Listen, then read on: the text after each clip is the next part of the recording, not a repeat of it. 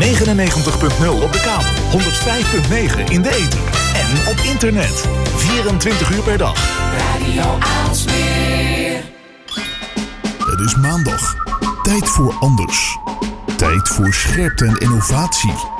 Tijd voor blikopende radio. Met Puur, Wilg en Lennart. Ja, het is maandag, het is ehm, 4 februari 2019. Dit is een nieuwe aflevering van Blikopener Radio. Eh, later in deze uitzending natuurlijk nog onze vaste columnist Hermaniak. Eh, hij heeft een aantal hele interessante onderwerpen voor ons uitgezocht. Dus we gaan iets meer tijd voor hem nemen. Eh, zo rond kwart voor zeven uur is het ja, zijn beurt. Daarvoor ook nog de Week van Wilg. En straks als eerste gast hier in de studio eh, Sander Luiten. Hij is Neerlandicus, docent Nederlands en ehm, hij heeft iets met taal. En daar gaan we straks even verder over aan de tand voelen. Dit is Blikopener Radio. Hold your hand and squeeze softly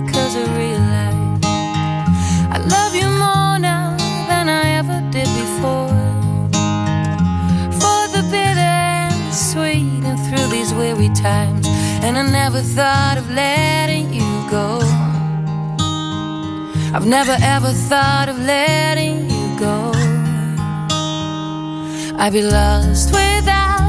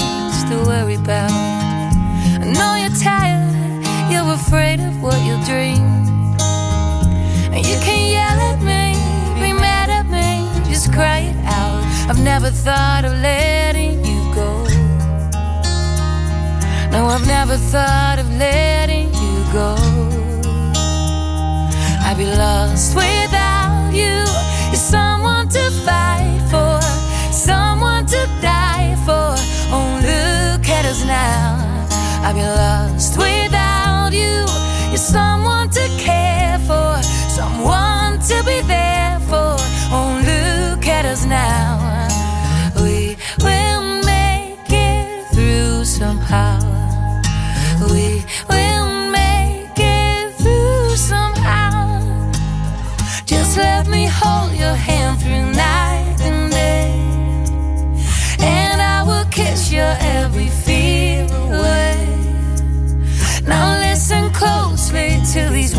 Words I say.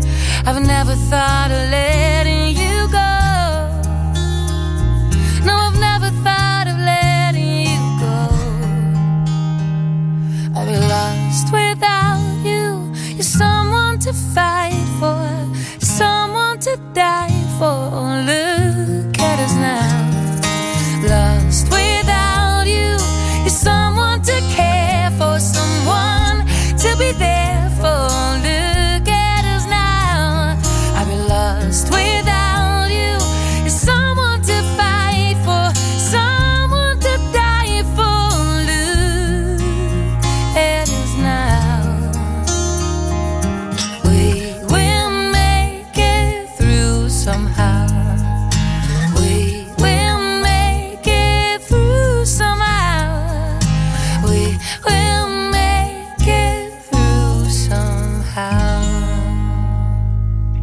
En hun nieuwste plaatje heet eh, Last Without You.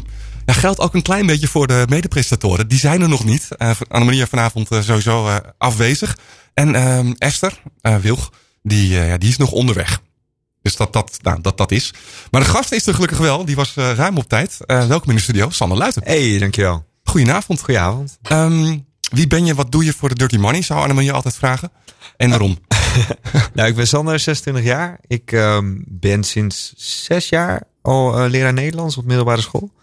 En eh, dat is ook mijn dirty money verdienen. Lekker mijn vakanties eh, geld vangen en zo. En dat is wat mensen denken. Hè. Dus, Ja. ja, Ja, maar ze weten niet dat je dan ook heel veel moet nakijken. En dat je heel veel andere exact, tijd- exact. dat. Voorbereidingstijd en noem het maar op. Ja, Wauw. Maar dus al zes jaar, je bent 26, je bent echt super vroeg begonnen met leraar worden. ja Leraar klopt. zijn, bedoel ik. Ja, ja.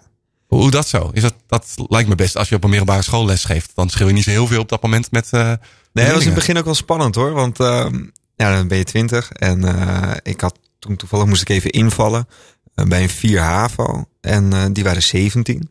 Ja. Dus dat was vrij bijzonder. Het is zelfs zo bijzonder dat er nu een jongen bij ons op school werkt. die ik dus ook heb lesgegeven.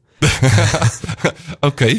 Ja, dat is ook wel een raar cirkeltje dan. Ja, maar wel leuk. En uh, nou ja, wat er gebeurde is dat ik na de middelbare school ik direct best wel goed beeld van ik wil Nederlands studeren, ik wil docent worden. En uh, toen uh, ging het heel snel. Hm. Ja. Maar je wilde altijd al nee, docent worden of iets nee, met taal of helemaal niet? Absoluut niet. Nee, toen ik jong was, toen wilde ik heel graag accountant worden. Huh? Ja. Dat klinkt een beetje raar. Is dat niet iets wat jij meestal zegt met brandweerman of zo, toch? Maar... Nee, nee, nee, nee. Ik wilde graag accountant worden, want mijn vader was dat. En de spelen met cijfers vond ik toen nog leuk. Mm -hmm. um, nou, toen merkte ik dat ik niet zo goed was in wiskunde en dat soort dingen. Uh, dus toen dacht ik, nou, dan wil ik dierenarts worden. Want ik had wel wat met dieren. En uh, ja, daarvoor moet je ook een beetje goed zijn in wiskunde, natuurkunde, scheikunde. kon ik ook niet. Um, toen was ik het even kwijt. En toen was er één docent op de middelbare school die had door van, nou, die is, wel, die is wel goed met taal. Um, dus die zette mij aan het werk met dyslecten. Um, en dat ging zo goed en ik vond het zo leuk dat ik dacht, uh, misschien is dit uh, mijn roeping wel of zo. Dat ik die kant op moet. Um, en sindsdien ben ik me gefocust op, uh, op lerarenopleiding. Was nog eventjes um, uh, twijfelen tussen geschiedenis en Nederlands. Of ik dat alle twee heel leuk vind. Mm -hmm. um, maar toen ben ik uiteindelijk voor Nederlands gegaan. Dat is wel grappig, want je zegt dus eigenlijk is er één bepaalde docent geweest die ja. bij jou zeg maar de spark heeft ge, getriggerd of geïgnite, ja. hoe noem je dat? Ja. Voel, je nu zelf ook zeg maar die ja, verantwoording misschien wel, om dat bij jouw leerlingen ook te doen? Dat er misschien net even, dat je dat verschil kan maken zo? Mm, nou, je, je hoopt dat je dat verschil kunt maken. En uh, ik ga er niet vanuit dat ik iemand ben die dat kan of zo. Uh, wat ik wel kan doen is er voor leerlingen zijn en er met leerlingen praten. Um, en ze een beetje enthousiast te maken voor het vak Nederlands. Omdat ik taal heel erg leuk vind, probeer ik dat dan ook over te brengen op, op anderen. Ja. Um, ja, je, je hoopt dat te zijn, dat, dat je iets bent voor leerlingen. Maar dat, uh, nou ja, goed, ik hoop dat ooit later eens terug te krijgen. Dat lijkt me heel mooi. Ja. Heb, je, heb je die, die docent die uh, jou toen zeg maar zo geïnspireerd heeft, uh, dat is nu een collega van je of niet? Nee, nee, niet hij is inmiddels van onze school weg. Ja? Um, maar hij is ja, een van mijn beste vrienden geworden ook. Wat grappig. Ja, ja heel tof is dat inderdaad. En ja, daar heb ik nog geregeld contact mee, dus erg leuk. Ja. Hm. Oh, wat mooi. Um, nou ja, taal. Ja. Ja. ja. wat, wat, wat, wat spreek je daar zo in aan? Wat, wat, wat, is, wat maakt taal, met name Nederlands dan, hè? Ik bedoel, wat maakt Nederlands zo bijzonder voor jou? Nou ja, Nederlands is, is de taal die, uh, waarin we ook voelen en gevoelens kunnen uiten. -huh. En uh, dat vind ik zo bijzonder dat je nou ja, bezig bent met lichaamstaal, met uh, gesproken taal en vooral het uiten naar elkaar toe. En mensen daarin wegwijs maken, dat vond ik erg mooi. Maar je, lichaamstaal is voor jou ook Nederlands? Ja. hoe, hoe doe je dat in lessen? Hoe moet je dat nou ja, je, je, zou bijvoorbeeld kunnen denken aan dramalessen. Ja. En wat ik heel interessant vind aan taal is taal omvat of com, ja, is communicatie. Ja. Um, wil je zien wat mensen doen, zul je dat ook moeten benoemen ergens. Want ik zie dat je ja, een beetje met opgetrokken schouders zit. Wat is er met je aan de hand? En ik wil leerlingen ook leren herkennen in welke situatie zij iemand wel of niet moeten aanspreken. Ja. En dat, ja, dat vind ik een soort van extra dingetje naast het feit dat ik ze uh, taalregels leer en spelling grammatica, noem het allemaal maar op. Dus ook een beetje algemene ontwikkeling of, of Ja, ja zo zou je dat wel kunnen zien. De handigheidjes ook. Ja. Hoe ga ik met mensen om? Hoe communiceer ik met mensen? Ja. ja.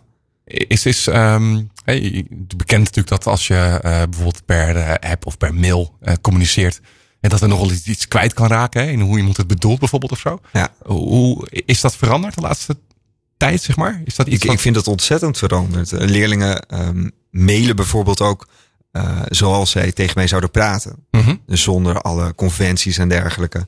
Uh, wat ik ontzettend gek vind, want op het moment dat ze mij zo aanspreken, dan is het. Um, Hoi Sander, mag ik je iets vragen? Ja. En nu op de mail krijg ik bijvoorbeeld mailtjes. Uh, valt morgen eerst uur uit. Punt.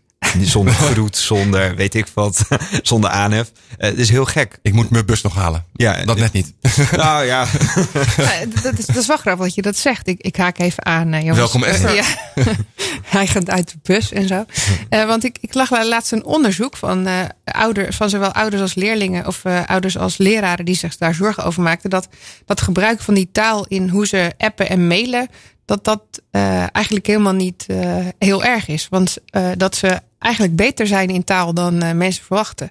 En dat ze dat expres op die manier doen in het appen en het mailen. En daar heel goed in zijn. Dat fonetische spreken eigenlijk. Maar dat dat helemaal niet afdoet aan hoe goed ze zijn in, in hun Nederlands. nee. Merk jij dat? Of is dat iets wat je. Zijn het eigenlijk twee talen voor ze? Ehm, ik, ik merk dat dat inderdaad twee talen voor ze zijn. Want op het moment dat je daar leerlingen op aanspreekt, van goh, ehm, je stuurt me een mailtje alsof je me een appje stuurt, dan is ja, weet ik wel. Maar maakt me niet uit. je snapt toch wat ik bedoel? Ja, ja eens. Ehm, maar het is ergens toch ook wel beleefd als je mij op een beleefde manier aanspreekt. Zeker als je wat van mij wil als docent. Dus in is meer die- omgangsvormen dan eigenlijk. Dan Ja. dat, eh, Ja, vind ik ook. dat is grappig. Maar uit, uit jouw onderzoek bleek dus dat mensen dat dan... Ja, dat fonetische eh, spreken eigenlijk, zoals we dat in het appen doen.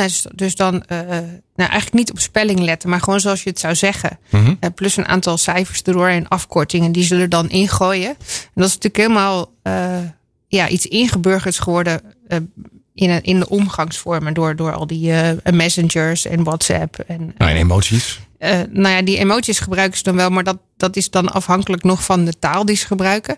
Eh, en, en mijn zoon doet dat net zo hard, maar die is dyslectisch, dus die is er juist heel blij mee dat dat gebeurt. Ja. Want dan valt hij niet meer op. Ja. Eh, maar, uit dat, maar daar maakten heel veel mensen zich ongerust over. Hè, waar de taal gaat achteruit en ze weten niet meer hoe ze nou echt moeten spellen. En Nederlands, het Nederlands wordt heel slecht. Of Nederlandse rap of zo bijvoorbeeld. wat dat daar invloed op zou hebben. uit- daaruit bleek dus dat die, dat die leerlingen zich terdege bewust zijn van het feit dat dat iets heel anders is. eh, dan als ze formeel iets zouden moeten schrijven. En dat ze dat ook gewoon bewust op die manier doen. Dus dat antwoord aan Sander vind ik dan wel heel grappig. Van, ja, eh, je snapt me toch. Ja, Ja. gast, je, bent, ja, je snapt toch wat ik bedoel. Maar zou, zou het ook zijn Ja. omdat je gewoon zelf eh, een jonge docent bent? Dat ze heel erg dat makkelijk ik dat kunnen levelen? Nee, maar dat, dat, Oh. dat, ze jou zo benaderen? Eh, ja, dat, dat zou ergens heel logisch zijn. Want eh, ik ben ook wel eens van die rapteksten aan het, eh, aan het verkondigen tijdens mijn les. Gewoon eventjes tussendoor. Vind ik grappig om te doen. Ja. Eh, en leerlingen hebben, zie, merken dat dan ook. Die kijken je zo aan van, goh, eh, oh meneer luistert dit dus ook. Eh, ja, klopt. ik luister ook naar de radio. Ja. Ehm, ja, ja, Grappig. En is het dan ook een soort kwestie van teksten analyseren met leerlingen?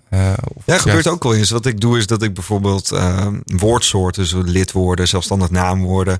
ehm, daar gebruik ik dan de teksten van Ronnie Flex, Little Kle- Kleine voor. Of het ontbreken ervan. Nou, of het ontbreken ervan. Ja, nee, op zich, die jongens zijn heel creatief met taal. Ja. En eh, zoals je net hebt gehoord, eh, blijkt uit onderzoek dat heel creatief zijn is met, taal, dat dat niet per se slecht voor Nee, is. nee, zeker. Dus ehm, ja, op basis daarvan eh, leer ik ze dan bijvoorbeeld ook wat, wat zelfstandig naamwoorden zijn. En op het moment dat dat geen ehm, woord is dat ze kennen.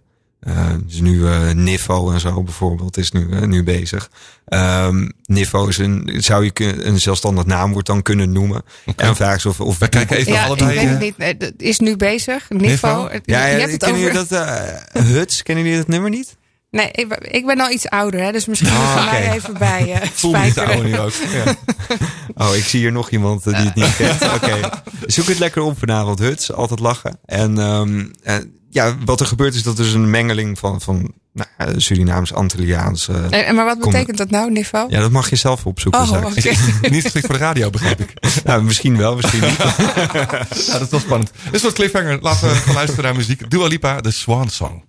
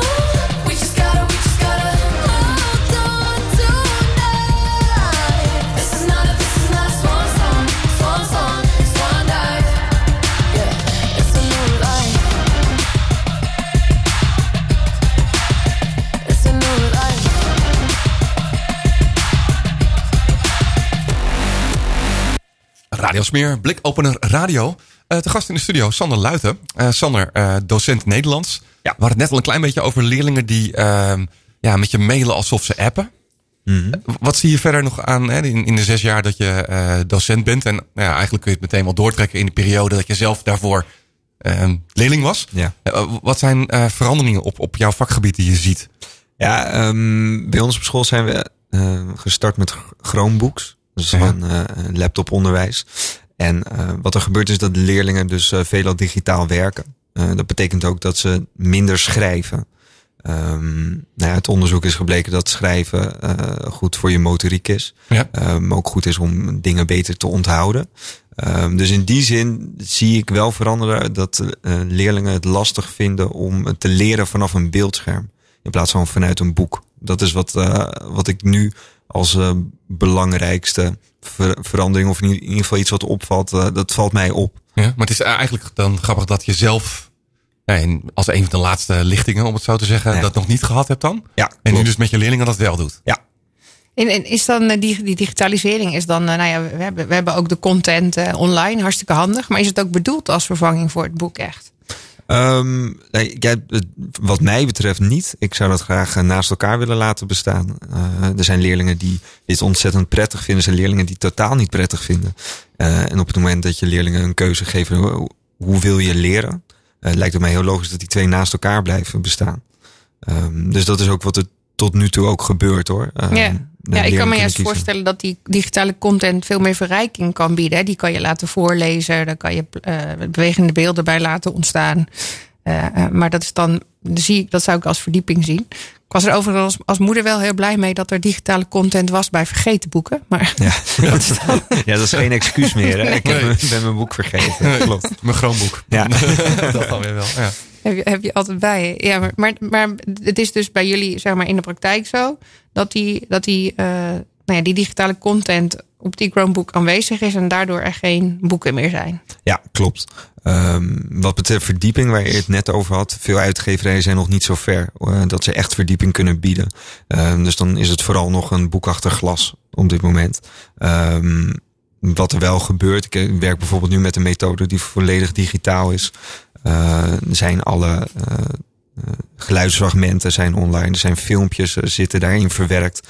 Dus ze zijn wel ontzettend bezig met dat te ontwikkelen. En dan is het inderdaad een, een verrijking voor het onderwijs. Maar ik heb ook nu wel twee jaar gewerkt met een boekachtig glas. En dan zag ik de meerwaarde er niet echt van. Dan kan het, en de enige meerwaarde is dan dat het eventueel als gesproken tekst gebruikt kan worden voor dyslecten. Maar dan, Ja. dan, dan is het het wel. eh. Dan, dan is dat het wel. Ja. En voor de rest kunnen ze online werken. Dus hun huiswerk kunnen ze ook nooit meer vergeten. Want dat staat namelijk in Google Drive. Ehm, en Google Drive, dat kun je overal openen. Ook op je telefoon. Dus Ja. eh, huiswerk vergeten is geen optie meer. Maar is het niet, is, het- helpt het ook niet, ehm, zeg maar, eh overschrijven van huiswerk of zo? Dus copy-pasten van huiswerk in, in de hand? Of is dat... Eh, ja, dat is wel inderdaad een angst. Ehm, staat bijna het eerste waar ik aan denk van, oh, nou, copy-paste, mail het je wel even door. Ja, ja, aan de andere kant eh, is dat. Of kun je nou, het juist veel makkelijker controleren daardoor? Eh, ook. Want ik kan namelijk op het moment dat ze dat doen, Ja. ik kan de bewerkingsgeschiedenis bekijken. Ja. Eh, zeker bij online toetsen. Op het moment dat ze stukjes moeten schrijven, bekijk Ja. ik de bewerkingsgeschiedenis. En als daar nul minuten in staat, dan weet ik dat het copy-paste is. Dus ja, ik, ik hou me er wel mee bezig. Ja. Dan zeg kom jij eens even kijken. Ja, Ja. Erg leuk. Ja. Ja, nee, maar ik heb het eh, thuis geschreven hè, en toen in één keer de Ja, in mijn. Kurzweil-programma, zodat Ja. ik de spellingcheck goed kon Oh ja. eh, doen. Ja. Ja. Ja, trap ik niet in. Ben je jezelf een strenge docent? Ehm, ja, ik vraag dat leerlingen wel eens. Ja? Vinden jullie mij een strenge docent? Ehm, en ze vinden me meestal grappig. Ehm, maar als we serieus moeten werken, dan werken we serieus. Dus ik denk dat ik eh, op momenten heel streng kan zijn in de les. Ehm, vooral ook als er gewoon geluisterd moet worden. Ehm, maar daarna is het heel vrij. Vind ik ook belangrijk om je lekker te voelen tijdens een les. Ja. Eh, en dat er ook ruimte is om vragen te stellen. Eh, maar ook om eventjes bij te komen van eh, ja, het nadenken over bepaalde stof. moet ook kunnen. Heb je, heb je zelf nog dat je... je doet het nu zes jaar. Ja. Zijn er nou ja, dingen waar je aan denkt van... Ik, ik zou dit nog willen leren in mijn vak. Of ik wil me specialiseren in iets. Of doorgroeien naar. Of, Ja, het is leuk dat je erover begint. Toevallig ben ik, ehm, eh, ga ik in maart beginnen met de opleiding eh, tot docentcoach. Eh, dus wat er gaat gebeuren is dat ik dan leer hoe ik mijn collega's moet coachen op het op lesgebied. ja. Ehm, Maar daar ben je dan ook al zo jong in. Ja, Toch? ja, ja, ze zeggen Dat is geen voetbal zeggen, natuurlijk. Hè? Nee, het voetbal zegt ze altijd jong of goed genoeg is of oud genoeg volgens mij. Goed genoeg is oud genoeg of zo. Ja. Ehm, dus ik denk dat op het moment dat de mensen daar vertrouwen in hebben, dat dat kan. Eh, en ik heb daar zelf ook vertrouwen in dat eh, dat, dat helemaal goed moet komen. Ja. Maar het is misschien wel inderdaad een gekke gewaarwording dat eh, iemand zo jong dan een eh, collega gaat coachen die eh, al twintig jaar in het onderwijs zit. Ja, dat zou kunnen. Eh, Maar ik vind, het, ik vind het wel grappig dat het op je bucketlist staat. Er staan overigens nog best andere grappige dingen op. Ik zo. ja, ja, Eh, maar wil je dan eh, ze leren hoe ze een betere leraar worden? Of juist meer hoe je eh, nou ja, educatie ook kan eh, veranderen of, of anders kan laten worden? Wat, wat, Ja, mijn, is- mijn insteek was inderdaad dat ik het. ehm, er zijn mensen die al heel lang in het onderwijs zitten en die hebben een eigen stijl ontwikkeld.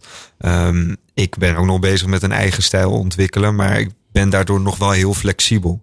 Eh, en het lijkt me dus inderdaad heel erg leuk om dan eh, twee totaal verschillende types. eh, dus ik en een andere collega dan tegenover elkaar te hebben en vanuit dat opzicht iemand te gaan helpen. Eh, dat het dus misschien ook op een andere manier kan. Ja. Maar gebeurt het al? Ik bedoel, je hebt natuurlijk collega's die enorm ervaren zijn. Ja. Maar is, is daar... Ehm, nee, het- het- wat ik doe is dat ik in ieder geval eh, het met die collega's heb over onderwijs en hoe Mhm. ik onderwijs zie. Ehm, en dat ik dan ook zeg, van, kom een keer langs in mijn les en eh, zie hoe, eh, hoe ik dan bepaalde dingen aanpak. Oh, en grappig. probeer dat dan ook uit in je eigen les. Jullie gaan gewoon bij elkaar meekijken. Ja, dat is wel iets waarvan ik zeg, eh, dat moet wel meer gebeuren. En Ja? gelukkig is dat wel gaande ook. Want ik denk namelijk dat je ontzettend veel van elkaar kunt leren als je in de les bent. Dus je hebt al een eh, Slack-kanaal opgezet zet om eh, tips onder leraren te verspreiden. Nou, nog niet. Maar nee, maar dat is inderdaad wel. eh, dat vind ik dus echt een meerwaarde als je bij elkaar op bezoek komt en, eh, en gaat.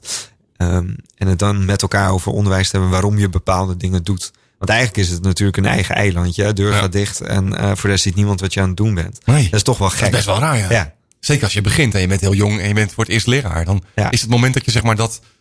Kun je nog herinneren, je eerste zelfstandige les zonder dat er iemand bij zat? Ja, dat was eh, bijzonder. Bijzonder is, is wat algemeen. Eh, Ehm, nou ja, wat, wat, wat het dan is, is dat, dat je dan direct ook wordt gedwongen om met alles rekening te houden. ja. En ehm, nou goed, dan moet alsof je, je rijbewijs haalt zeg maar, en dan voor het eerst alleen in de auto zit. Ja, en dat kan dus heel chill zijn. Dus Ja. met je rijbewijs. Uh, maar ik vond het in het onderwijs iets minder. Want um, er, is altijd een soort van een noodgreep op het moment dat er nog iemand bij zit. Als het dan echt helemaal misgaat, dat er dan iemand uh, zegt: Oké, okay, nu, uh, nu kappen, jongens. uh, dus dat was wel eventjes een, een angst. Maar uh, ja, ik was dan, dan de aanwezigen vergeten aan te melden in Magister. Dus dat, dat was dan iets wat ik was vergeten. Ik kreeg gelijk een mailtje overheen. Van, uh, ik zie dat je vandaag je lessen niet hebt afgeslagen. Oh ja, is ook zo.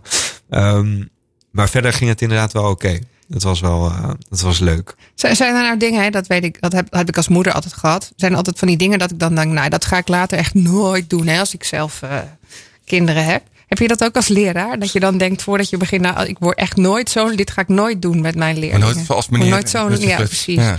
Ja, um, en, en, wat is er dan misgegaan of juist wel goed gegaan? Wat, wat ik nooit wilde, uh, was inderdaad de leerlingen uh, alleen maar aan het werk zetten. En, uh, het verder, en, en, het alleen maar over mijn vak hebben. Ik wilde niet zo vakgekkie worden. Um, ik heb wel heel veel respect hoor voor de mensen die on, hun vak ontzettend leuk vinden. Um, maar ik ben ook iemand die ontzettend veel andere dingen leuk vindt. En dat wil ook met leerlingen wil delen. Uh, mijn taak als docent is, vind ik niet alleen dat ik ze Nederlands moet bijbrengen, maar dat ik ze ook uh, dingen uit het leven moet bijbrengen. Ja. Um, en omdat ik dan een stukje verder ben, kan ik ze daarin ook gewoon ondersteunen. Uh, dus ik wilde inderdaad niet het vakgekkie worden. En gelukkig kan ik nu zeggen dat ik dat niet ben. ja. Daarnaast heb je ook nog een, een, een zijprojectje. Ja. Om het zo te zeggen. De Nieuwe Vandalen. De Nieuwe Vandalen. Ja. Enkelvoud, niet Vandalen. Maar, nee, ja? Nou ja, nee. Ja, we noemen onszelf dan ook Vandalisten. Oh, toch wel? Uh, ja, kijk. toch wel. Um, ja, de Nieuwe Vandalen is uh, iets wat ik samen met een paar anderen een jaar of vijf geleden ben begonnen. Um, wij waren bezig met, we willen een soort van iets creatiefs met taal gaan doen. En op een gegeven moment kwam één iemand op het idee om dan te zeggen: ja, maar wat als wij nu bestaande woorden nieuwe betekenissen gaan geven? Mm -hmm. um, ja, dat is eigenlijk wel vet. Want je kunt namelijk in het Nederlands uh, een woord op verschillende manieren zien. En zeker als het een samengesteld woord is, kun je uh, ontzettend veel combinaties maken. Dus laten we dat dan uh, gaan doen. Dat zijn we begonnen. We hebben eerst allemaal onze eigen vriendenlijsten en zo uitgenodigd. Want zoveel mogelijk leden. Want dan wisten ze wat we aan het doen waren. Ja. En uh, ja, dat, dat is uiteindelijk uh, best wel redelijk een succes geworden met 3500 leden of zo. Uh, en een woordenboek is daar ook uitgekomen. Dat hebben we samen in elkaar gezet. Uh, met allerlei woorden die dan een compleet andere betekenis hebben gekregen. Ja. Een woordenboek achter glas. Uh, ja, een woordenboek achter glas. Dat is wel waar. Uh, maar hij is op PDF, dus je kunt hem ook printen. en, en, kunnen wij hem ergens vinden? Is dat leuk uh, om mee ja, te kijken? Ja, via Facebook de nieuwe Vandalen intikken en dan lid worden. En dan accepteerde ik of een van de andere beheerders je. En dan kun je lekker meedoen en ook veel lezen. Ja. Heb je, heb je voorbeelden van die, van die nieuwe betekenissen aan samengestelde woorden? Um, wat, wat versta jij onder blubber? iets waar ik in stamp met mijn regelaarzen. Uh, ik een vis bijvoorbeeld. Oké. Okay. En uh, een blub en. Uh... Ja, iemand die blubt, een blubber. of springstof. Ja. Die, parachute. Springstof klapt uit elkaar. Ja, ja, springstof kan ook een parachute zijn. Oh ja, de stof waarmee je het vliegtuig uitspringt. Ja, precies. Ja, ja, ja, heuvelrug. Ja. Een bochel. Een bochel. Ja. Zou bijvoorbeeld ook okay. kunnen. Dus zo zijn wij uh, inderdaad uh, behoorlijk wat, uh, wat woorden verder. En ja, het is ontzettend leuk om, om daarmee bezig te zijn. ik gebruik het ook wel eens in de les. les je woordenschat. Um, en dan laat ik ze dit soort woorden allemaal opzoeken in het woordenboek. en dan zeg ik, nou, en dan komen nu de goede antwoorden. En dan laat ik dus al die...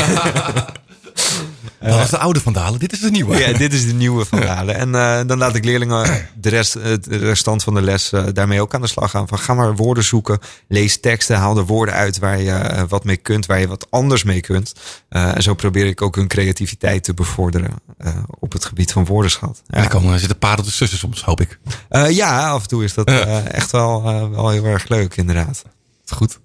Nou, mooi. Als mensen dat eens willen volgen op Facebook, de Nieuwe Vandalen. De Nieuwe Vandalen, ja, word lid. Leuk. Mooi.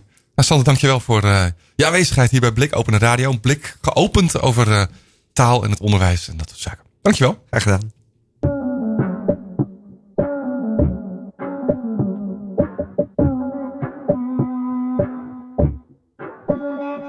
Said she tired, little money, need a big boy. Pull up 20 inch blades like I'm Lil Troy. Now it's everybody flocking, need a decoy. Shorty mixing up the vodka with the liquor.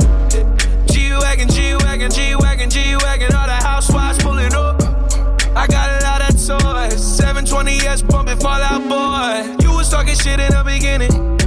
Back when I was feeling unforgiving. I know I pissed you off to see me winning. See the hit glue in my mouth and I be grinning. Yeah, Hundred bands in my pocket, it's on me. Hundred deep when I roll like the army.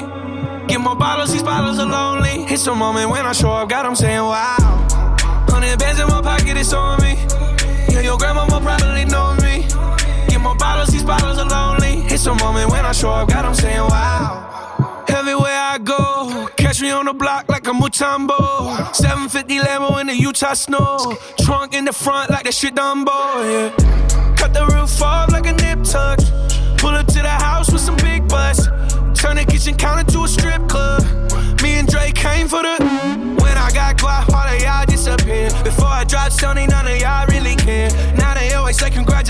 To the kid. And this is not a 40, but I'm pouring out this shit. Used to have a lot, but I got more now. Made another hit, cause I got bored now. Always going for it, never pump fourth down. Last call, Hail Mary, Prescott, touchdown, hey. Hundred bands in my pocket, it's on me. Hundred deep when I roll like the army. Get more bottles, these bottles are lonely. It's a moment when I show up, God, I'm saying wow. Hundred bands in my pocket, it's on me. Yeah, your grandma will probably know me. Get more bottles, these bottles are lonely. It's a moment when I show up, God, I'm saying wow. Wow.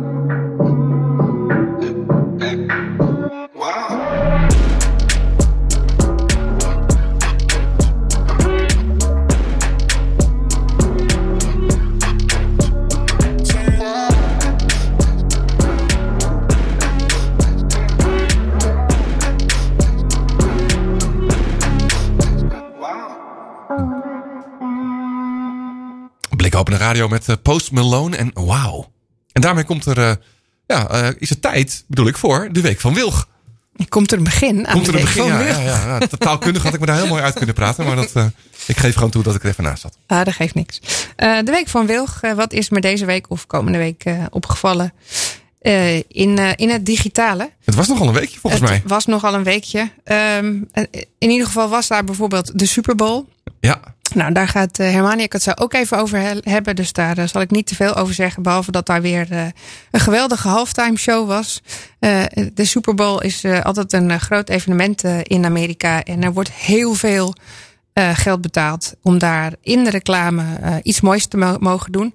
En de Super Bowl heeft een hele andere reclamemodel dan de meeste sporten. Waar bijvoorbeeld ook op, op borden aan de zijkant en eh, eh, sponsoring op de short, shirts gedaan wordt. En in de Super Bowl is dat echt alleen maar de inkoop van de reclames in die, ja. in die, in die breaks. Het gaat om belachelijke bedragen Gaat ook, hè? om belachelijk. Dat was echt vorig jaar gehad volgens mij. En dat was echt een wat? Ja, een spotje van 30 seconden kan zo'n 5 miljoen dollar kosten. Wauw. En daar wordt daar door zo'n bedrijf echt eh, een heel jaar naartoe gewerkt om eh, daar alles aan te doen. Nou, daar horen we straks vast. eh, En dat levert dus ook op, dat zou je levert zeggen. ook op, want iedereen zit dus elk jaar ook weer te wachten op wat, wat is er nu weer gebeurd tijdens die Super Bowl. En Ja. welke recla- reclames moeten we het dus nu over gaan hebben.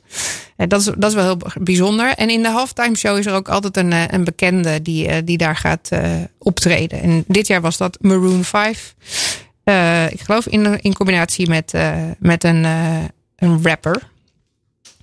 Maar goed, dat was dus weer een, eh, een eh, grote show. En er zijn eh, weer een aardig wat reclames voorbij gekomen. Maar ook bijvoorbeeld een, een, nieuwe teaser van de nieuwe Avenger film van Marvel.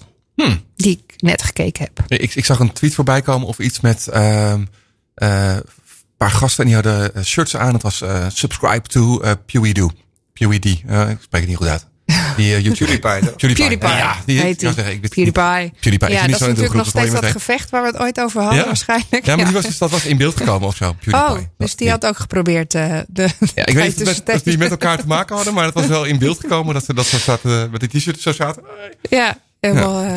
nou, verder was er in het nieuws dat, eh, nou ja, ik weet niet of je dat mee hebt gekregen, eh, Spotify bezig is in de onderhandelingen om Gimlet Media te gaan kopen. Mhm. Wat dus zou, zo, zou, zou gaan betekenen dat ook Spotify zich veel meer wilde gaan richten op podcasts. Want Gimlet Media is de producent van een aantal hele eh, Ja. grote beroemde podcasts. Precies, eh, Reply All en Crime Tone. Dat zijn hele bekende podcasts Surreal, in, ja. in, eh, in Amerika. Ja. Eh, en ze zijn nu in onderhandelingen over, eh, met, met die dienst om daar eh, een overname te doen. En dat, nou ja, dat zou zoveel betekenen als Spotify dus nu ook onderkent dat podcast heel belangrijk is. En misschien daar zelf ook wel wat meer content wil gaan leveren. Het viel wel op dat eh, toevallig met mijn collega van de week over. Die, die eh, had gezien dat ehm, eh, de naam van de app van Spotify Ja? is ook Spotify Music en Podcast geworden. Oh, is dat al veranderd? Dat In de- had in ik de nog- App Store, Dat ja. had ik nog niet gezien, inderdaad. Ja. En je kunt natuurlijk al nu podcasts eh, luisteren via Ja, eh, er Spotify. waren, oh, dat, dat was ook al zo. En, en er zijn zelfs ook al Nederlandse podcasts te belu- beluisteren via Spotify. Je kunt, je kunt je podcast gewoon aanmelden bij Spotify, net als je dat bij iTunes doet. Ja. Eh, dus- maar maar die, door die overname zou het dus kunnen zijn dat ze net als Netflix zeg maar de originals heeft, dat ze dus ook Spotify original podcasts zouden krijgen. Waardoor je een extra reden zou hebben om een Spotify abonnement te nemen. Bijvoorbeeld, ja. Dus eigen content. En dat die Eh, podcastmakers dus dan betaald krijgen. En, en ik denk dat zij dus inderdaad het belang zien van nou, op, op, op een of andere manier moet daar dus ook weer een eh verdienmodel aan hangen. En dat is bij podcasts dus lastiger dan bij video, waar je dus leuk al die pre-rolls eh, en andere reclames aan kan hangen. Ja. Dus ik vind het een hele goede zet van Spotify, denk ik, om hier wat verdiepingen op aan te brengen. ja, benieuwd waar het heen gaat. Nou, behalve het mega nieuws. Nou, laten we daar gewoon mee beginnen. Mega nieuws. het leek wel oorlog tussen Apple en eh, Facebook en Google afgelopen week. Best wel. Ik weet niet eh, of iemand dat meegekregen heeft, maar Apple, eh, Apple had op een gegeven moment ehm, de enterprise licenties van Facebook en Google ingetrokken. Ja, dat, dat doen ze niet zomaar zou je zeggen. Dat doen ze niet zomaar. Dus er was eh, grote paniek over. Er waren ook zelfs mensen die dat niet helemaal begrepen en dachten dat ineens alle apps van eh, Facebook en eh, Google uit de App Store zouden zijn. Nou, even dan uitleggen, wat zijn enterprise licenties? Precies, wat, waar ging het nou eigenlijk om? Een enterprise licentie is een licentie die Apple uitreikt aan bedrijven die zeggen: Ik ben een developer, dus ik develop voor de Apple Store apps. Ja? Ik wil een enterprise account, want die apps die. Ik heb een groot bedrijf en die apps, eh, daar develop ik er heel veel van. En die wil ik ook laten testen eh, door gebruikers binnen mijn bedrijf. Zodat ik eh, al een eerste versie kan, kan lanceren die ik alleen aan gebruikers van mijn bedrijf geef. Of, of, waardoor of ik, ik heb bijvoorbeeld een interne app. Eh, Die niet in de App Store mag. Daar wordt het ook voor gebruikt. nou, daar wordt het voor gebruikt, maar daar is die eigenlijk niet voor bedoeld. Die Enterprise Developer App is eigenlijk alleen bedoeld om, nou, ja, eh, om, om binnen je bedrijf dus apps te kunnen testen, feedback op te krijgen en dan te gebruiken en weer. eh, en, en dan uiteindelijk wel via de App Store aan te bieden aan Precies, mensen. want de grap is dan dat je zo'n app die je nog in ontwikkeling hebt, eh, kun je dan dus buiten de App Store om op de telefoons van gebruikers krijgen. Precies, en dat is het, dat is het hele eh En dan belangrijke zijn ze nog niet eraan. goedgekeurd. Dat van het zijn Ze zijn nog nog niet goedgekeurd. goedgekeurd. Dat is En dus een Apple heeft belangrijke een heel streng goedkeuringsbeleid voor zijn apps. Ja. Eh, eh, er zitten hoge veiligheidseisen in. Daar zet Apple nu ontzettend hoog op in. Privacy-eisen zitten daarin. Eh, Apple is, vindt dat ontzettend belangrijk dat je niet zomaar van alles van mensen stoort. Eh, er zitten eisen in op het gebied van eh, leeftijd. eh, Wat mag wel en niet bij bepaalde apps. Nou, als je zo'n eh, zo'n enterprise licentie hebt, kun je dus apps aan heel veel mensen geven. zonder dat dat goedgekeurd hoeft te worden door Apple. Omdat je nog nou ja, officieel nog aan het testen bent. Zeg maar. Ehm, nou ja, sommige interne apps gebruiken dat, gebruiken dat ook. Eh, wij hebben zelf ook wel eens eh, dit gebruikt om eh, bijvoorbeeld met een start-up te zeggen: Nou ja, wij willen ook een enterprise licentie. En dan hebben we gewoon 100, 150 testgebruikers. Nou, die werken helemaal niet bij ons, maar die mogen vast de app testen. Dus dan deden Ja. we een. een een, een, eh, een mailing de deur uit. Van, nou, als jij vast wilt testen met ons, dan mag dat. Hier kun je de app downloaden op je telefoon. Ja. Maar waar de- ging het dan verkeerd? Want dit klinkt op zich allemaal nog vrij logisch. Maar wat Nou, heeft, wat heeft App, eh, Facebook, ermee gedaan en dan? Google hebben ook ontdekt dat er zo'n manier is om dus buiten de eh, App Store om met apps om te gaan. En die dachten, ha, slim, zo kunnen we ook dus meer informatie krijgen van mensen dan eigenlijk mag als we dat via de App Store zouden doen. Eh, dus hebben ze eh, een aantal je sneaky. apps, ja, een aantal apps uitgebracht, waardoor je dus ja, eigenlijk zonder dat je het wist, veel meer informatie vrijgaf over jouw gebruik van al je apps op je telefoon dan dat je eigenlijk wist. En dat waren wel mensen die betaald kregen ook in het geval Nou ja, van Facebook. dat, in, niet altijd. Nee. Dat is die hele, dus er staat een, een uitgebreid verslag op een aantal Nederlandse sites ook waar, het heel, waar ze heel erg ingaan op van ja, dat deden ze via een bepaalde VPN-app en die mensen kregen in ruil voor geld. eh, hè, we deden ze mee aan een onderzoek. Ja. Ehm, maar er waren ook apps die dat niet deden. Maar het ging er gewoon om dat ze dat dus buiten de App Store omdeden. En dan de gebruikers niet altijd wisten eh, dat er heel veel gedrag van ze opgeslagen werd. Wat ze, wat ze allemaal deden. En dat het eigenlijk een hele sneaky manier was om, om met mensen om te gaan. En dat dus Facebook op die manier kon achterhalen van oké, mensen zitten gemiddeld per dag eh, zoveel uur in die app, zoveel minuten in die app, et cetera. Ook als dat niet de Facebook-app was. Ja, Dat is eigenlijk alle- informatie die ze normaal niet zouden kunnen weten. Precies, alle apps die dan op je telefoon stonden, Ja. daar hadden ze ineens toegang toe. En dat, dat is iets wat volgens de Apples eh, eh, richtlijn helemaal niet mag. Dus dat zou nooit goedgekeurd worden, maar dat kon wel Ja. op deze manier. En dat wisten mensen niet. Dat is Ja. dus eigenlijk een hele on- oneerlijke manier van marktonderzoek. Dus Facebook deed dat als eerst. En die Eh, zijn als eerste op de vingers getikt. zo. Ja, Facebook deed dat al eerder met een, met een, een, andere app die ze overgenomen hadden op een bepaalde sneaky manier. Je, zou, Eh, je zou toch zeggen, Facebook zou beter moeten weten met al het gezeik wat hebben, Inmiddels, hè? Inmiddels. Toch? Ja. Gewoon cluster. Eh, nou Facebook is daar ook weer tegen in, eh, in eh, opspraak gekomen. Die zegt van ja, maar dat, dat ging op, op deze manier. En dat was eigenlijk helemaal niet zo oneerlijk. Dat doen andere bedrijven ook. Dat klopt ook wel. Alleen zij deden het op een manier waardoor mensen niet wisten dat het op deze manier ging. Dus eigenlijk een soort van Sneaky. oneerlijk gebruik, zeg maar. Ja. Inmiddels zijn de licenties wel weer hersteld van eh, zowel Go- Google als Facebook. Eh, dus ze kunnen gewoon weer eh, testen. Maar de regels worden wel herzien. Want er zijn heel veel bedrijven die eh, ontdekt hebben dat, dat, en, dat die enterprise licentie dus voor, voor andere doeleinden gebruikt kan worden. Hè. Wij hadden dat met de start-up ook. Van hé, dat is handig. Dan kan je dus zomaar 100 mensen laten testen zonder dat je eerst door die App Store hoeft. Dus, laat, hè, dus laten we dat eens even doen voordat we überhaupt iets uitbrengen. Misschien, misschien is het wel helemaal niks. Dus je kan het is daadwerkelijk mee testen. Maar je kan er dus ook eh, op een meer oneerlijke manier mee omgaan. En dat wilde Apple eigenlijk eh, voorkomen. En die had zoiets van: weet je wat, we geven even een heel duidelijk signaal af. Dit willen wij niet. Zelfs Google, zelfs Facebook. ja. Eh, dus gaan jullie allemaal maar eens even heel goed bedenken hoe het wel moet. Maar dit mag niet meer. Nee. Maar dat was, ja, het was een soort van oorlog. en heel veel blogpost ook over geschreven. Van wat, welke bedrijven in Nederland doen dat op die manier. Eh, welke, welke andere bedrijven zouden dit ook gedaan hebben. Eh, nou ja, in ieder geval eh, genoeg stof om over te praten. Maar Apple heeft in ieder geval gezegd: wij gaan het beter dicht timmeren. Hoe mensen met onze enterprise licentie om mogen gaan. Ehm, en dan heb ik nog een laatste, wat vrolijker nieuwtje eigenlijk. Nou ja, eigenlijk is het gewoon een hele vette site. Eh, er is een site en die heet sh-meet.bigpixel.cn. Dat is een beetje een lange URL. Eh, maar dat is één foto en die foto is gemaakt eh, vanaf een hele hoge toren. Van Shanghai, Shanghai City, vanaf de Oriental Pearl Tower. En dat is dus niet zomaar een foto. Oh, die is echt eh 50 miljard pixels of zo. Bizar. 195 gigapixel. Dat je denkt, heb ik ooit Ja, van zoveel pixels gehoord? Je als je die- bizar inzoomen. ja, en dan, dan zie je dus een, een foto van de skyline, eh, een beetje 360-achtig, eh, van Shanghai. En dat is heel vet, want je denkt, oh, dat is tof, ik zie, ik zie heel veel. Maar dan kan je op plus en min drukken. En als je op plus drukt, dan, eh, dan nou, ik ging helemaal uit mijn dak. Dat ik dacht van, wow, hij gaat nog verder, hij gaat nog verder, hij gaat nog verder. Tot op de gezichten van mensen. En hier zelfs tot op, tot op bloemdetail. Eh, van, van een random eh, rotonde ergens midden in ah, Shanghai.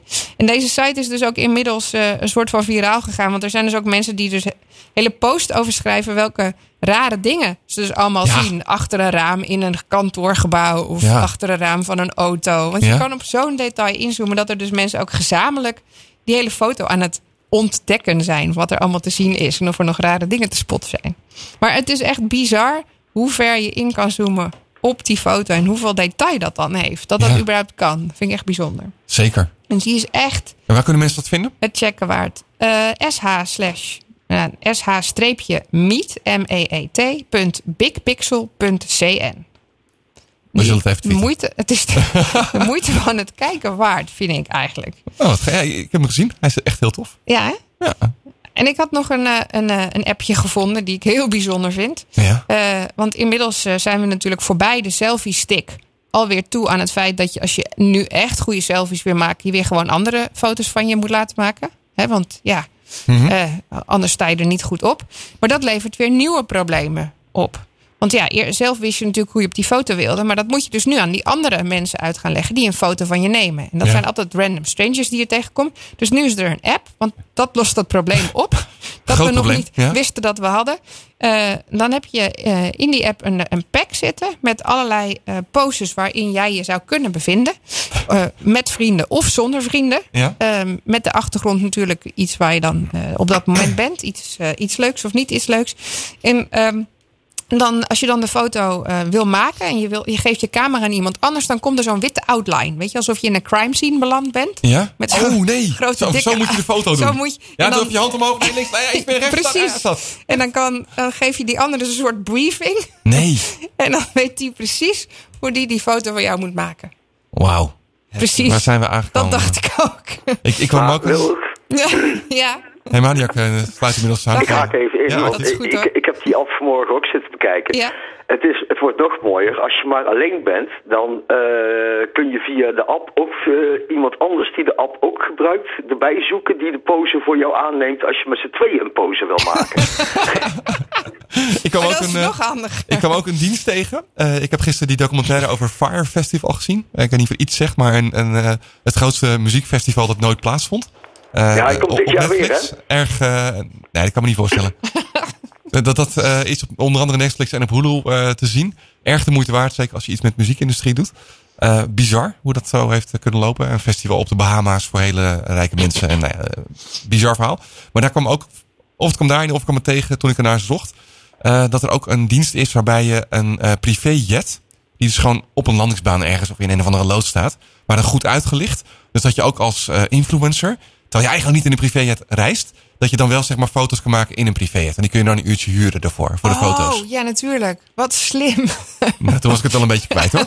Hey Lennart, en nu we het toch over het Vrije Festival hebben. eh, als je op eh, YouTube ernaar zoekt en dan eh, zoekt op Vrije Festival 2019... Ja? dan zie je de trailer van het Vrije Festival van dit jaar.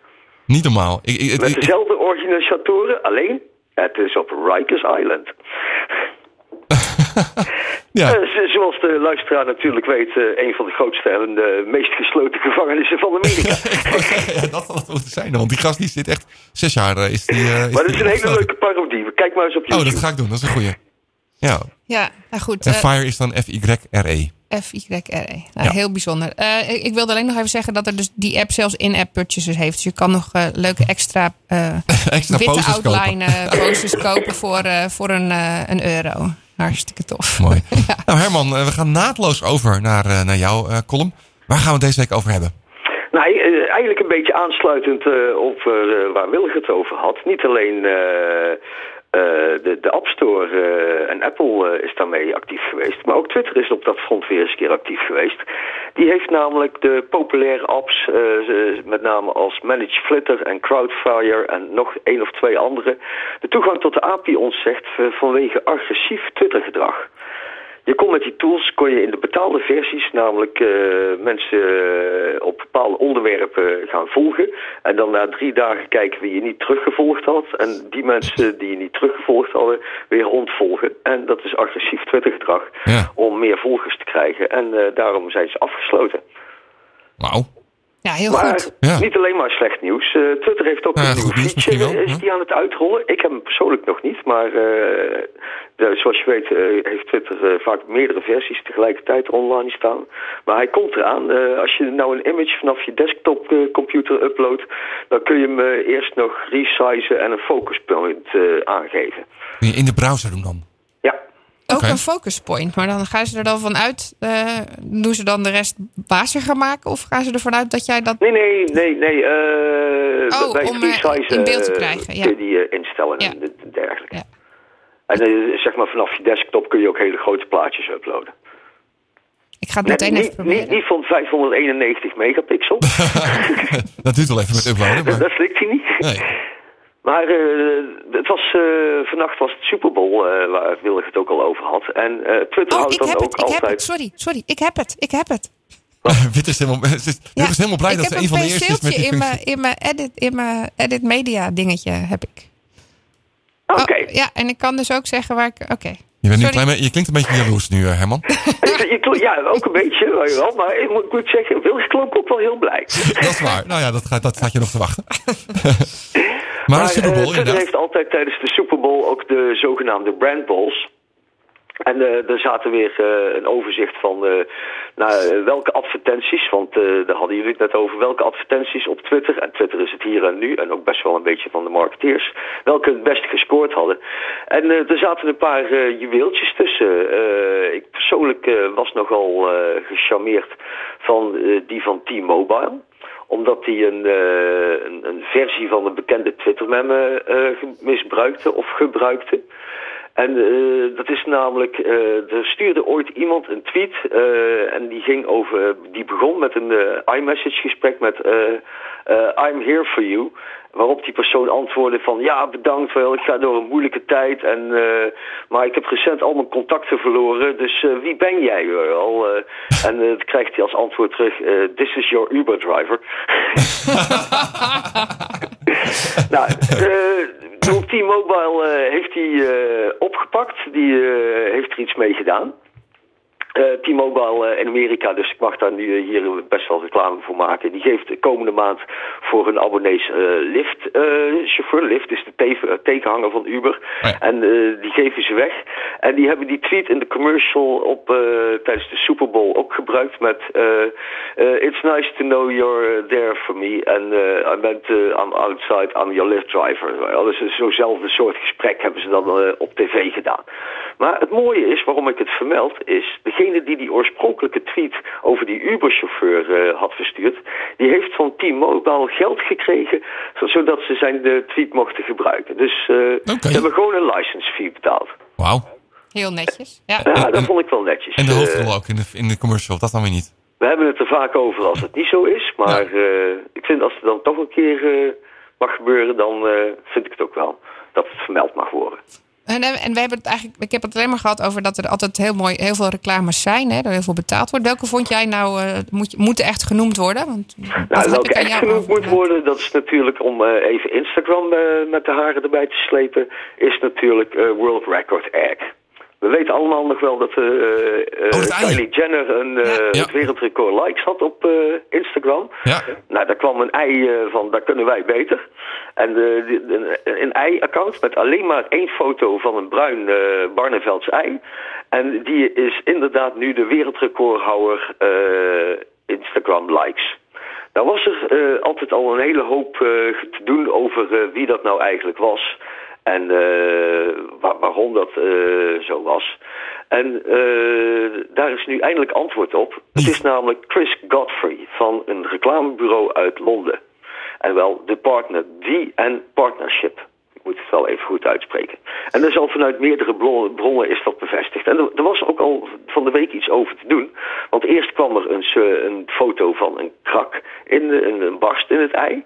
Daarna kwam er een foto uh, waarbij het ei uh, een, de, de, bekende stitching, uh, ja, naaiwerk van een, van een American Football erop had. En gisteravond tijdens de American Football uh, kwam inderdaad er een commercial. Er was al van bekend dat die commercial gesponsord werd door Hulu. Dus iedereen dacht van nou, dat, uh, dat wordt gewoon een, een, een, manier om, van Hulu om hun dienst aan te prijzen. Maar dat was niet zo. Het was een commercial waarbij dat ei een animatie kwam en brak. En daarna weer geheel werd. En het was eigenlijk een commercial die uh, sponsorde de Mental Health Institutions van Amerika. Oh. Dus het ging over geestelijke gezondheidszorg. En wow. inderdaad, hij was wel betaald door Hulu. Maar dat was dus een, eh, een, onverwachte, een onverwachte wending van iets waarvan ik in eerste instantie dacht van... hé, hey, er gaat iemand cashen op dat account. Vind ik dit wel een goeie. Maar is het de, van het begin af aan dus zeg maar de opzet geweest om deze commercial te kunnen doen? Is het allemaal vooropgezet spel? Of is het een, een, uh, een mooie inhaker erop? Ik denk het eerlijk gezegd niet. Uh, aangezien Hulu een Amerikaans bedrijf is en uh, het commercial of de, het bureau uh, een Engels bureau was. Ik denk dat het in eerste instantie echt gewoon een hele slimme marketingtruc is. Of tenminste slim omdat er marketeers achter zaten. Maar gewoon een, een gemmetje van ja. we maken een ei heel erg populair. Ja. En toen het zo populair was hebben ze gedacht van shit wat moeten we er nou mee doen. Ze hadden al een t-shirtjes die te koop aangeboden werden. Maar ja, dat duikt ook iedereen op. uh, dus we, om dat te beschermen is meer werk dan dat het misschien waard is. Ja. En ik denk dat ze er met dit uh, wel een hele mooie draai aan gegeven hebben. Ja, eens. Zeker ook, ook omdat Instagram een platform is waar... Uh, ja, waar, waar niet alles zo is zoals het lijkt. En eh, wat dat betreft hebben jullie eh, de, de in, ja, hij is niet van de Super Bowl, maar net eh, van daarvoor. Maar ik vind hem eigenlijk wel het eh, vermelden waard. Omdat hij ook met Twitter te maken heeft. Eh, Burger King heeft een influencer marketing campagne gehouden met de grootste influencers ter wereld. Waar ze geen drol voor betaald hebben. Ja, Casey. Ja, Casey Ja, Neistat. En Casey Neistat was not amused in eerste instantie. Maar hoe hebben ze hem aan de zo hand? ver gekregen? Wat zeg je? Hoe hebben ze hem zo ver gekregen? Nou, eh, dat kan ik uitleggen. Eh, Casey Neistat ontdekte op een gegeven moment dat Burger King eh, een aantal tweets uit 2010 van hem geliked had. Maar gewoon een aantal willekeurige tweets. En hij tweette dus eh, van, eh, van ja, wat is hier aan de hand? wel, eh, met, met een screenshot erbij. En Casey Neistat was niet de enige. Steeds meer grote influencers die begonnen melding te maken van... hé, hey, wacht eens even, Burger King heeft bij mij ook tweets uit 2010 eh geliked. En ook met screenshots erbij. En toen kwam Burger King eh, met het antwoord dat ze enkele features eh, en dingen die ze... eh, zoals eh, funnel cake fries, ja, ik ken ze niet, maar uit 2010 was dat heel populair. En die brengen ze weer terug op het menu. dus dat was het hele aanleiding om het, zeg maar... Ze eh, hebben gewoon bij willekeurige grote influencers hebben tweets uit 2010 eh, geliked. En gekeken wie erop reageerde. Nou, dat is best heel slim. En dat vond Casey ook. Hè. In zijn eerste filmpje zei hij ook: van, ja, dit is wel briljante marketing. Hij had een, een beetje met een knipoog een, een grap van gemaakt. Maar ook zo van: ja, ik ben echt gemaakt boos. Eh, heb, heb je toevallig vandaag ook zijn, eh, zijn vervolgvideo gezien, Herman? Nee, toevallig niet. Nee, nou, het, loopt al, het, het, heeft, een, het heeft een vervolg gekregen. Hij riep dus in zijn eerste video van... eh nou, Burger King eh, is allemaal wel leuk natuurlijk. Hè, krijg je niet veel betaald en heel veel influencers niet. Dus als je er nou echt het, zeg maar, eh, er goed mee voor hebben... dan weet ik nog wel twee goede doelen waar je eh, een donatie aan zou kunnen doen. Hè, dat zou je sieren. En uiteindelijk eh, is een tweede video dus... dat hij ehm, een gesprek had met de hoogste marketingbaas eh, van, eh, van Burger King. Die vond het allemaal heel chill.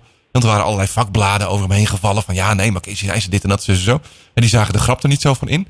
Eh, zijn volgers wel, die vonden het allemaal heel grappig. Hè? Want hij had op een gegeven moment ook een... eh, hij had een... een eh, zo- Zo'n whopper van grote Ja, burger, zeg maar. die fries? Oh, Die nee. had hij, ge- nee, die had hij gehaald. En dan eh, aan het eind van zijn filmpje zeg maar, gooit hij dat met een, een handbeweging in de vuilniszak. Maar dan, hè, dus van, nou, dit eh, zo weet ik niet. Maar daarna zie je dus een shot dat hij dus uit die vuilniszak, zeg maar, die burger alsnog opeet. omdat hij het zonde vindt om eten weg te gooien. Dus legt hij helemaal uit, ja, nee, maar ik heb een nieuwe vuilniszak ingedaan. Ja, ik wil, dus dat is een beetje de grap van het verhaal. En ik kom het niet heel serieus te nemen. En ehm Burger King vond het heel grappig. En ze hebben dus inderdaad, ehm eh, gaan ze een donatie doen van 25.000 dollar naar twee eh, goede doelen die hij benoemd heeft. Dus Nou, eind dat goed, vind al goed. Ja, Een mooie heen en weer tussen eh, socials. precies. Nou, en daarmee komt er ook alweer een eind aan deze uitzending, Herman. Dankjewel voor je bijdrage. Graag gedaan. Eh, als we jou willen volgen, hoe kunnen we dat doen? Eh Ed Hermaniak op Twitter. Of Ja. kouwenberg.nl, daar ben ik ook. Helemaal goed. Dankjewel. Eh sowieso bedankt voor het luisteren. Bedankt ook onze gast Sander Luiten. Volgende week zijn we er weer met een nieuwe aflevering van Blik Openen Radio.